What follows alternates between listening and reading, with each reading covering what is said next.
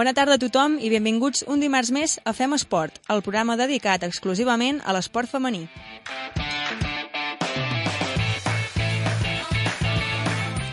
Soc l'Alexandra Bogunyà i m'acompanya la Manuela Castro. Bona tarda. Bona tarda, Àlex. Com estàs? Molt bé, a punt per començar el programa. I tu? Igual, igual, igual. Per cert, com va anar per Budapest? Doncs, malgrat el resultat, molt bé. Segurament tothom ja n'està al corrent d'aquest partit, i és que el dissabte es va jugar la final de la Champions femenina que la disputaven el Barça contra l'Olímpic de Lió, l'equip femení que domina Europa. El Barça va caure per 4-1 i les de Lió es van endur la seva quarta Champions consecutiva. Bueno, ja vas dir que seria difícil la victòria del Barça. Sí, sí, sí. El Lió ara mateix és un equip que, que no té rival. Però la veritat és que van passar per sobre de les jugadores del Barça, sobretot a la primera part. També suposo que els nervis i la inexperiència del Barça, en comparació amb l'equip francès, es van veure reflectits al camp perquè tant Panyos i la defensa van fer errors que no ens tenen acostumats, com les davanteres que van fallar oportunitats clares. En canvi, el Lió no en va fallar cap. Almenys s'ha pogut gaudir de la primera final de Champions d'un equip espanyol. Sí, això sí. I segur que aviat en tindrem més. S'està anant per bon camí. Bé, anem a repassar els resultats d'aquest cap de setmana.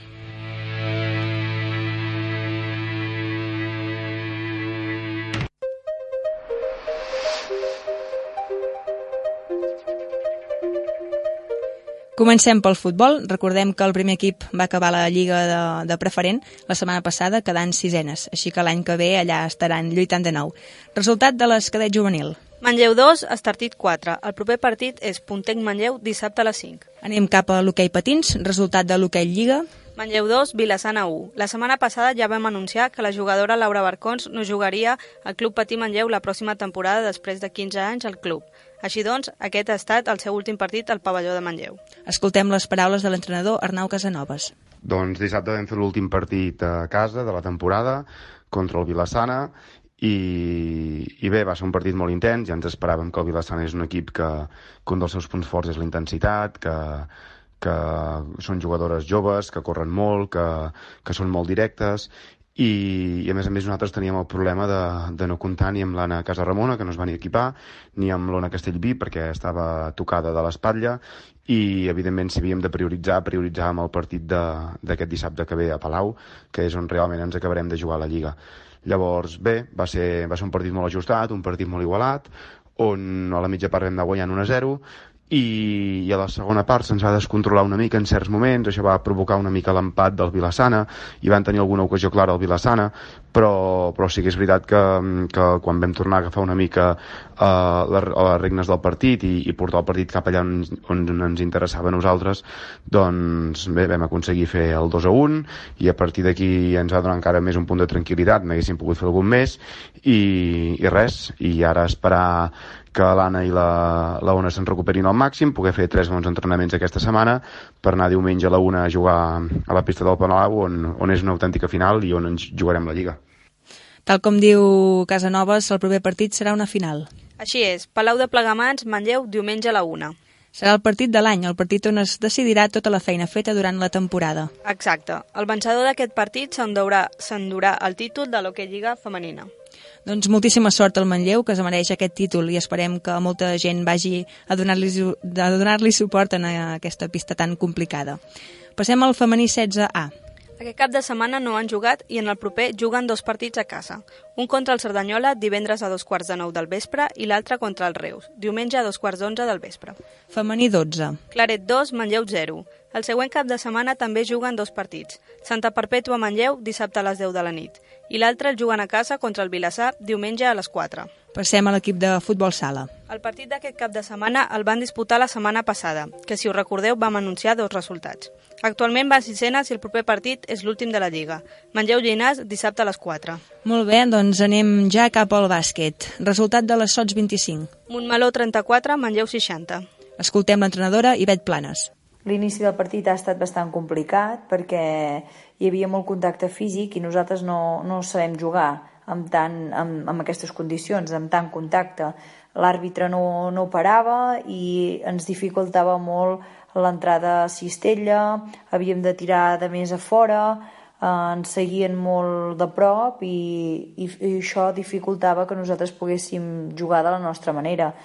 De mica en mica ens en vam anar sortint, ens vam anar pausant, vam tranquil·litzar el joc perquè estava molt esbarat i això va afavorir que ens poguéssim anar separant en el marcador eh, envers amb elles i anar podem jugar de la nostra manera.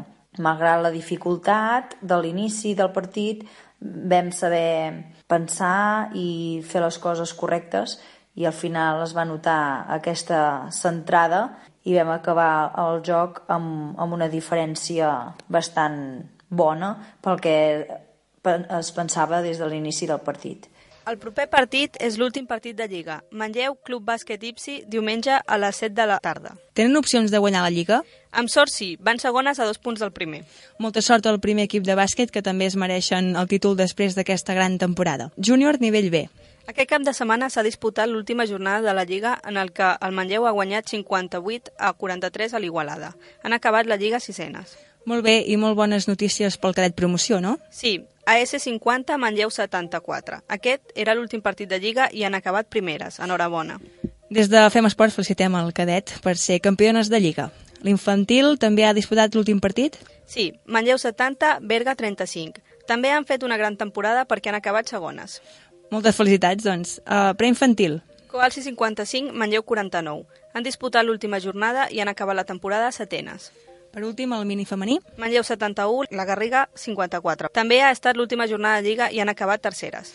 Molt bé, doncs molt bona temporada pels equips de bàsquet femenins de Manlleu. Anem a fer un repàs a les nostres esportistes en l'apartat d'actualitat.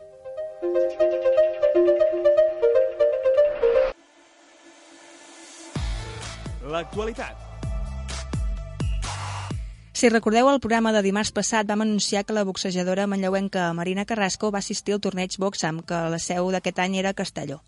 Ella mateixa ens explica la seva experiència. Aquest passat dimarts vaig assistir al torneig internacional Boxam i per mala sort el sorteig em va tocar a primera ronda amb una companya a preliminars i bueno, vam fer un bon combat les dues però va, li van donar guanyadora en ella i bueno, ens quedem amb la, amb la bona experiència i en què hem de seguir treballant per avançar i anar aconseguint les victòries en els internacionals i on sigui. També vam anunciar que les Lleones, la selecció espanyola femenina de rugby on juga Elisabet Martínez, va fer un bon resultat a la World Series de Canadà. La jugadora manlleuenca ens ho explica. El torneig de Langford, Canadà, que vam fer el cap de setmana de l'11 i 12 de maig, va ser un torneig en el que vam tenir un molt bon primer dia, en el qual ens vam, ens vam enfrontar als equips que teníem al grup, que eren Estats Units, França i Fiji, i tot i tenir dues derrotes i, i una victòria, vam aconseguir partits molt ajustats. Bueno, els perduts vam perdre'ls per, per poquets punts. Això volia dir, bueno, va voler dir que vam, vam tenir bueno, unes bones sensacions i vam jugar, jugar bastant bé. I l'últim partit, el de Fiji, el vam, el vam guanyar mm, i la veritat és que, és que molt bé, tot i que vam tenir la baixa de dues, de dues jugadores, dues lesions, que no van estar presents en el segon dia de torneig. I, i, bueno, i això va fer que, que aquest segon dia fos una miqueta més dur, mm, tot i jugar a un primer partit contra Nova Zelanda amb un molt, molt bon resultat, en el que tot i perdre vam, vam aconseguir tenir bones sensacions. Uh, vam tenir el, el segon i tercer partits que van ser contra Canadà, que era l'anfitriona de, del torneig, i contra Rússia van ser una miqueta més durs, vam tenir això, problemes de, de jugadores en els quals bueno, per, pels partits érem, érem 10 i per l'últim vam arribar a ser, a ser 8 per, per altres lesions. Així que, bueno, mm, aquest torneig va estar una mica marcat per lesions, però a nivell de, de joc, de sensacions, van ser bastant bones. I a nivell personal doncs, vaig, vaig jugar bastants minuts. De fet, vaig sortir en els sis partits de titular i, i bueno, vaig participar bastant en el joc i vaig tenir bones sensacions, tot i el cansament, els, les victòries i les derrotes que, que vam tenir. I, i bueno, marxar amb un, bueno, marxar amb un resultat bastant uh, positiu pel primer dia que hem tingut i, i, bueno, i pel primer partit del, del segon dia. Així que estem prou satisfetes amb el, amb el resultat, que al final va ser... Bueno, vam quedar vuitenes del, del torneig i bé, a seguir treballant pel, pel pròxim, que és, que és Biarritz. Manlleu té l'honor de comptar amb esportistes d'alt nivell i nosaltres d'haver-les pogut entrevistar. Gràcies a totes elles i molts èxits. Ja tenim la convidada d'avui a punt, així que podem anar ja cap a l'entrevista. L'entrevista.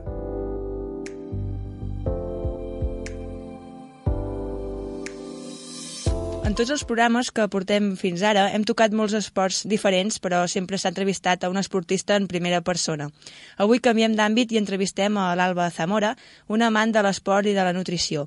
Ha estudiat comunicació, però actualment s'està professionalitzant en l'alimentació per a esportistes. Bona tarda, Alba. Bona tarda, Alexandra. Com estàs? Bé, molt bé, gràcies per convidar-me. Uh, tu per venir. Uh, ara, com és que vas decidir dedicar-te a la nutrició esportiva? Bé, des de sempre el més important per mi i la meva missió, la meva vocació, ha sigut doncs, difondre informació, informació útil, informació rellevant per l'audiència. Per això d'aquí la meva, els meus estudis en comunicació. I el que ha passat és que, per casualitat, eh, em vaig topar amb el món de la, de la nutrició eh, i l'esport. Va ser per casualitat perquè doncs jo estava treballant eh, d'oficinista en el sector de la comunicació, però al final treballava en una oficina fa qüestió d'uns 4 anys, i em van sortir problemes o, sí, malestars eh, degut a, doncs, a portar una vida bastant sedentària. Uh -huh. I això és el que em va fer doncs, canviar el xip. I a partir d'aquí vaig prendre acció i vaig començar a, a introduir-me en el món de l'esport. Molt bé, o sigui que ets esportista tu també. Sí, uh, no professional, sí. però practico esport de manera diària. I quin tipus d'esport? Uh, bé, a mi m'agrada molt el concepte d'esportista complet. M'agraden moltes disciplines. Tinc la sort que per una banda doncs, les disfruto i per altra doncs, m'he anat posant hàbits que he anat treballant. Uh, practico esports tant de resistència com de força. Uh -huh. Amb resistència doncs, m'agrada córrer, he començat fa poc a anar amb bici, uh -huh. molt apassionant el món de la bici en carretera i molt addictiu. Uh, I també, després també practico esports de, de força, uh, combino doncs, treball funcional, que és fer activitat física amb el propi cos, uh -huh. També practico um, unes rutines de musculació, uh -huh. i bé, la suma de tot fa que intenti uh, provar diferents disciplines i treballar de diferents maneres. Molt bé. Si majoritàriament uh, treballes, bueno, fas esport a dins d'un gimnàs, bueno, menys la bici en carretera. Sí, treballo, faig esport uh, sis cops a la setmana uh -huh. i combino. Normalment són tres dies fora, uh, activitat a l'aire lliure, i tres dies al gimnàs. déu nhi i dins del món de la, de la nutrició, ens has, ens has explicat com t'has aficionat a, a l'esport, però la nutrició per què, per què interessa, la nutrició per a esportistes? Bé, quan vaig començar a entrenar al gimnàs de manera regular, vaig trobar una persona que és la persona que m'ha anat guiant en tot aquest tra trajecte, de la que he après moltíssim i després la que m'ha inspirat doncs, per, per iniciar el, el meu, eh, la meva orientació cap a aquest món professional de, de la nutrició i de l'esport. Uh -huh. Uh, començo doncs d'una manera mm, bastant com per afició i m'adono que quan començo a introduir canvis a la meva dieta els resultats esportius comencen a augmentar i el meu cos comença a canviar d'una manera que mai m'hagués imaginat que podia arribar a canviar. Aleshores, anar documentant-me, anar informant-me, eh, he conegut la filosofia 80-20, que vol dir que eh, dels 100% de l'interès que hi has de posar en el teu objectiu eh, físic o esportiu, el 80% ha d'estar dedicat a la nutrició i el 20% a la pròpia, a la pròpia activitat. Per tant, l'alimentació és, és clau per un esportista. És absolutament clau. I on poden anar els esportistes per contactar amb tu? Uh, jo, de fet, estic començant a obrir el projecte, estic treballant en una pàgina web. Uh -huh. De moment em poden trobar per Instagram. El meu àlies és alba barra baixa activa Uh, I allà tinc un qüestionari d'hàbits saludables i a partir d'aquest qüestionari es poden posar en contacte amb mi, on poden escriure un missatge directe i jo els començo a, a fer el seguiment i parlem del seu objectiu. D'acord. I només et focalitzes en l'alimentació o la preparació física també?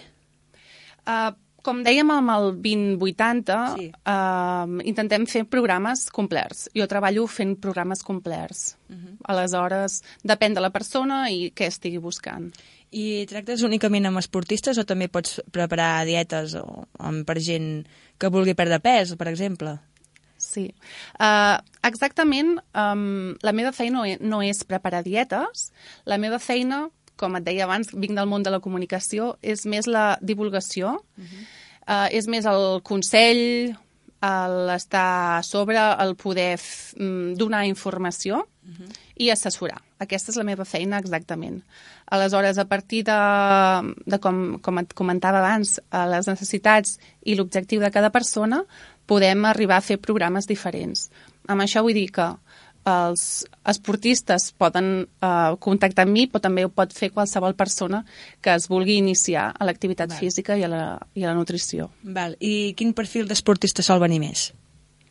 precisament um, em troba molta gent que s'inicia, no? Molta gent, a mi també m'ha passat, uh, i vaig trobar aquella persona que em va poder ajudar i, ho, i em va ajudar molt bé, per cert.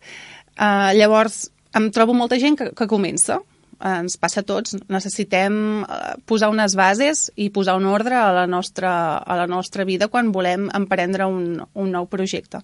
Aleshores, eh, molts esportistes que, que són novells i tenen molts dubtes i no saben per on començar són els que més em trobo. Després, doncs, també perfils del, del, de l'activitat que jo practico, com pot ser eh, doncs, el fitness, com pot ser eh, córrer o, o el ciclisme. I fas un tractament personalitzat per, per cada cas? O hi ha un tractament estàndard per aquest cas, per l'altre? Totalment personalitzat. Val. Perquè s'han de tenir en compte moltes coses, com al·lèrgies, com aliments que senten bé, que no senten bé, mm -hmm. com metabolismes, són moltes coses les que s'han de tenir en compte. Per tant, prèviament has de, els has de demanar al·lèrgies o fer algun estudi potser Sí. analític, no sé. Sí, eh, quan comencem a parlar amb una persona, eh, la primera pasta que fem és una, una avaluació de benestar sobre hàbits d'alimentació, hàbits d'esport i després intoleràncies i qualsevol tipus d'aliment que no agradi o que no senti bé. Molt bé. L'alimentació és igual d'important que, que l'entrenament per a un esportista, no? Bueno, igual o més, segons el que has dit. El superior, exacte. Superior. Això són conscients? Les persones, els, els esportistes? Jo crec que no som prou conscients, ni les persones de peu ni els esportistes. Mhm. Mm -hmm. I ho dic parlant amb, amb, amb, propi, amb la pròpia pell, eh? de- d'haver començat a fer activitat física sense potser alimentar-me prou bé i després eh, introduint canvis a la meva alimentació, el resultat ha sigut eh, espectacular. Mm -hmm. Molt bé. El tipus d'alimentació, imaginem que varia segons l'esport que es practica, oi, també? Sí? Sí, uh, sobretot mm, amb les quantitats. Amb Val. les quantitats i amb les qualitats de, dels aliments. Perquè et volia demanar, per exemple, quina dieta recomanaries a, una, a un futbolista d'èlit, o un atleta, o un de crossfit, o un esport que s'exercitin molt els músculs? Saps? Quines diferències podien haver entre aquests esports? Sí, principalment la, la gran diferència és el moment, eh, en el moment físic en el que es trobi. És a dir, si està en fase de competició, si està en fase de manteniment o si està en fase de recuperació. Depenent de quina fase es trobi l'esportista, necessitarà unes quantitats i no pas unes altres. Val. Sí que és cert que el punt de partida sempre és, com a qualsevol persona, una dieta equilibrada i saludable. La qual cosa, la, la piràmide nutricional és la que, la que marca tots aquests paràmetres i a partir d'aquí, en el moment eh, de la competició o el moment esportiu en el que es trobi, eh, inclouríem unes quantitats o unes altres d'aliments. O sigui que el que varia és la, la quantitat, més que l'ingredient en si. Sí, eh, la quantitat potser no, no, no ho he explicat prou bé. Més que la quantitat és eh, del, les racions de, de cada tipus de nutrient que devem un plat. Sí, sí, sí. D'acord? Abans i després de l'exercici són importants que hi hagin racions doncs, de vitamines, de proteïnes i d'hidrats eh, que siguin bons abans de l'entrenament per aprofitar tota aquella energia, gastar-la durant l'entrenament i després de l'entrenament per recuperar, que tots aquells nutrients serveixin per recuperar. I, i què s'ha de menjar més, abans o després de la- de l'exercici físic? S'han de menjar coses diferents. Ah, ja explica una mica això. Sí, abans de l'exercici físic és important que la nostra font d'energia siguin els hidrats, però han de ser hidrats complexes. Uh -huh. Uh, un cop fem exercici, uh, la nostra massa muscular uh, pateix un, un, un trencament de fibres, eh, està sotmesa doncs, a, a feina, a pressió, i el que necessitem després d'entrenar és precisament una proteïna, que és eh, el nutrient que, diguéssim, recupera més bé els teixits, per tant, una, una alimentació alta en proteïna seria la més adequada després de, de fer esport. Val. Llavors, segons el que ens comentes, uh, més que una dieta diferent per cada esport és per cada moment en què es troba l'esportista. Correcte. Uh -huh. um, I quines són les diferències bàsiques entre la nutrició d'un esportista d'èlit, home, amb una esportista d'èlit, dona? Poden menjar el mateix? Bàsicament, la, la base és la mateixa. És la mateixa en el sentit de que abans del moment de fer exercici, durant i després, els nutrients que es necessiten són els mateixos. Uh -huh. Sí que amb el que sobretot varia eh, el tema de, de la nutrició en l'home i el dona és com absorbim els, els aliments, mm. d'acord? Sí. És a dir, eh, per, per metabolisme, per qüestions eh, hormonals, les dones eh, el que fem és eh, guardem més dipòsits de greix que no pas els homes. Mm -hmm. Això fa que el nostre índex de greix corporal sigui més alt que el dels homes. Llavors s'ha de vigilar, les dones han de vigilar més amb ingredients eh, que continguin sucre o greixos que els homes? Uh, nosaltres sempre els reservarem més, però tot i així estarem en un pes saludable. Val. És a dir, no, no els podem comparar, no podem comparar els, el mateix índex de greix de l'home de la dona perquè tenen necessitats diferents els, els dos organismes. Clar. I a, a tu et contacten dones també? Sí, gairebé més dones que homes. Que homes. Molt bé. Um, quin organisme, masculí o femení, té més tendència a engreixar-se, la dona, no? Doncs... El que passa de, després depèn de cada metabolisme. Ja no només és la, la tendència habitual, sinó que hi ha metabolismes de dones que tendeixen més a primar-se que no a homes. Vull dir, no és tant una qüestió de gènere, sinó de diferents paràmetres. Una és el metabolisme i l'altra és per aquesta qüestió doncs, de, hormonal sí. que les dones retenim més, més greix. Val.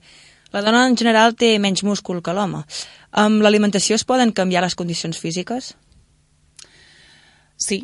De la mateixa manera que una dona ben preparada eh, i que segueixi un pla nutricional es podrà muscular molt més que un home que no segueixi cap pla nutricional. Amb la qual cosa si, si comparem un home i una dona uh, que es cuidin, clar, tots dos arribaran a objectius diferents. Clar.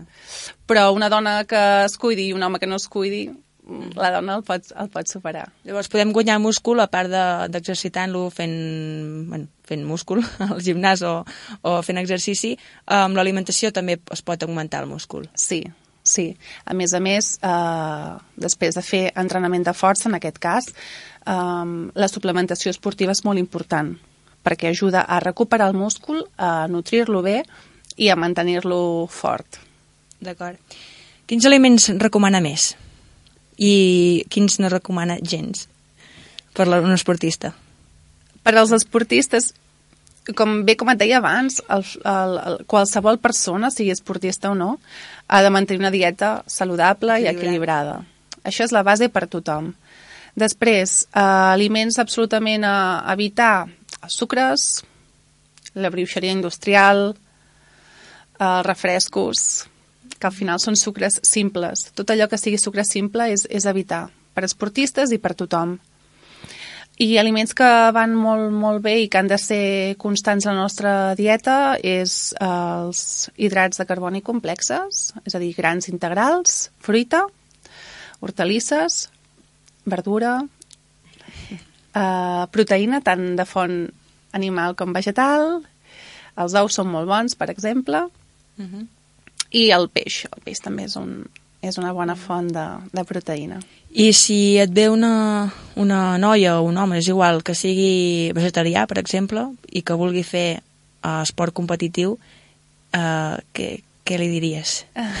o com gestiones aquest fet de no poder Sí. menjar proteïna directa? No, al, al final hi han, per sort, hi han solucions per tot i més avui en dia que el sector del benestar i de la nutrició està tan, està tan en creixement. Aleshores, què li diria? Ell, ell, ja, ell ja ho sabria, no? Perquè al final les persones que, que decideixen ser vegetarianes o veganes eh, con, són molt coneixedores de, de fins a on poden arribar i, i, i quins són els aliments que poden substituir en comptes de la proteïna eh, animal. Uh -huh. Aleshores, bàsicament, els llegums i l'arròs serien els, els, vaja, els, els grans aliats de, dels vegetarians. Llavors poden, pots, pot ser un, un esportista competitiu sent vegetarià sense problema. Totalment. De fet, si no m'equivoco, dissabte passat vaig córrer una mitja marató a Mataró uh -huh. i eh, el guanyador de la competició és, una, és, un, és, és, ve- és vegà. És vegà. Amb la qual cosa ens, Déu-n'hi-do. ens va superar tots. Per tant, ni ous ni, no, els vegans, ni formatge... Ni ous, ni formatges... Déu-n'hi-do, menjar, sense menjar això. Mhm. I els ous que has uh, comentat que eren bons, um, també és, has de vigilar, no? Però no n'has de menjar com Sí. tres a la setmana o alguna Correcte, cosa així. correcte. Tot sense abús eh, i, bueno, eh, tot sense abús es pot menjar, no? Al Clar. final, eh, la qüestió de, de saber fins a on, fins a on hem d'arribar perquè el nostre estat de salut doncs, sigui òptim. I les begudes energètiques les recomanes? Depèn de les begudes energètiques. Sempre que no siguin amb sucres simples, uh, no. És a dir, s'han d'evitar aquestes begudes uh, que, que, que siguin un ganxo de màrqueting i al final no portin cap valor nutritiu a la, a, a la dieta. I les, les que són recomanables ajuden a l'esportista? Sí, les que són recomanables sí, perquè estan incloses en un pla eh, nutricional. Per exemple, jo treballo amb una marca de suplementació esportiva uh -huh. que té programes amb begudes energètiques de reforç per aconseguir objectius esportius. Molt bé. És certa la dita que s'ha d'esmorzar com un rei, dinar com un príncep i sopar com un pobre? Bueno, són, a mi m'encanten les dites catalanes, amb aquesta no estaria del tot d'acord, però sí que és molt important que esmorzem amb tots els nutrients que necessitem, dinem amb tots els nutrients que necessitem i sopem amb tots els nutrients que necessitem. I a vegades no ho sabem prou bé quants nutrients porta un aliment. Uh -huh. I aquesta és la, la feina que tenim, de, ja des d'un terreny més, més social, d'educar a les persones a que ens sapiguem nutrir si no sempre hem de tirar de professionals, no? Clar. Però, però és cert que hi ha poca educació en aquest sentit i és molt important que sapiguem que siguem conscients, com em deies a l'inici de l'entrevista, sí. siguem conscients que ens hem d'alimentar segons les necessitats del nostre cos, no segons els que ens ve de gust o segons eh, altres elements externs. I hi ha algun aliment que sigui enganyós, entre cometes, que sembli que, que potser no convé gens i al contrari aporta molt, o al revés, un ingredient que, que sembla que, que no engreixis res o no gens, o que sigui saludable i pel contrari sigui bueno, perjudicial, per dir-ho manera. Sí, bé, amb, amb, amb els aliments que hem de vigilar bastant són amb els aliments light que ens posen als supermercats, mm -hmm. no? Al final sí que això és una, una estratègia de màrqueting. Tot allò que sigui light, mm, sospiteu, perquè, bueno, al final és un producte que s'ha tret expressament per un mercat que vol prendre consciència de la seva alimentació, però encara no sap ben bé com, no? com, com ha de uh, enfocar la seva alimentació. Llavors, molt recomanable sempre llegir les etiquetes del, va- de valors nutricionals de tot allò que comprem. D'acord. I si t'agafa gana entre hores, quin aliment recoma recomanes menjar? Sempre, sempre un got d'aigua. menjar res. Si al cap de 10 minuts no t'ha passat un altre got d'aigua, Hidratats ho estarem. si en 10 minuts encara no t'ha passat, pots menjar una poma. D'acord, aigua i fruita. Col·labores a la revista de Vic. Quins tipus d'article publiques i en quina freqüència per la gent que ho vulgui seguir? Sí, amb la revista de Vic col·laboro amb l'article de la secció En Forma, que és un article que recullo informació com, com temes semblants com els que estem parlant ara, sobre alimentació i esport. i és una revista que surt un cop al mes i surt cada mes en periodicitat mensual. D'acord. Um, quin és el teu pla de futur en aquesta feina? Bé, el meu pla de futur, com et, com et comentava, és engegar la pàgina web, on hi haurà una part de divulgació i hi haurà una part de, de programes, més d'un contacte personal per, per oferir serveis. Això d'una banda, com a Alba barra baixa activa, uh -huh.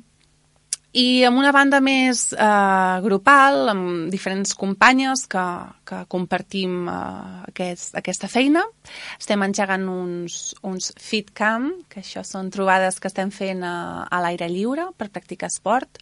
Hem començat fa res, dues setmanetes, hem començat a Vic, molt estem molt contentes i, bueno, en projecció d'ampliar-ho a altres ciutats, perquè no a Manlleu. Que bé.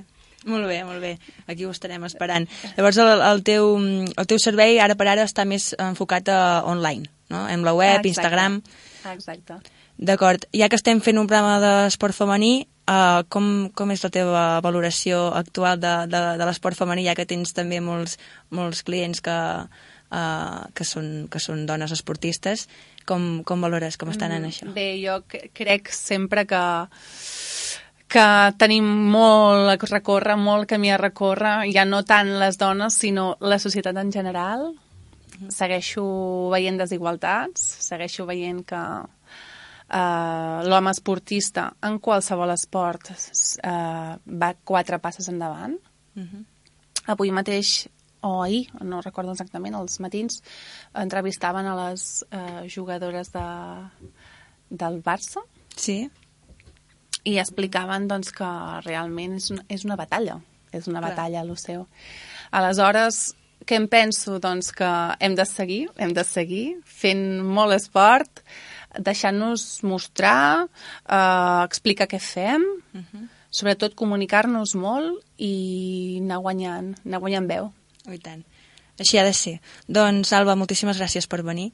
Moltes gràcies per convidar-me. I molta sort en tot i que, bueno, que acabi anant bé aquest projecte. Moltes gràcies, igualment.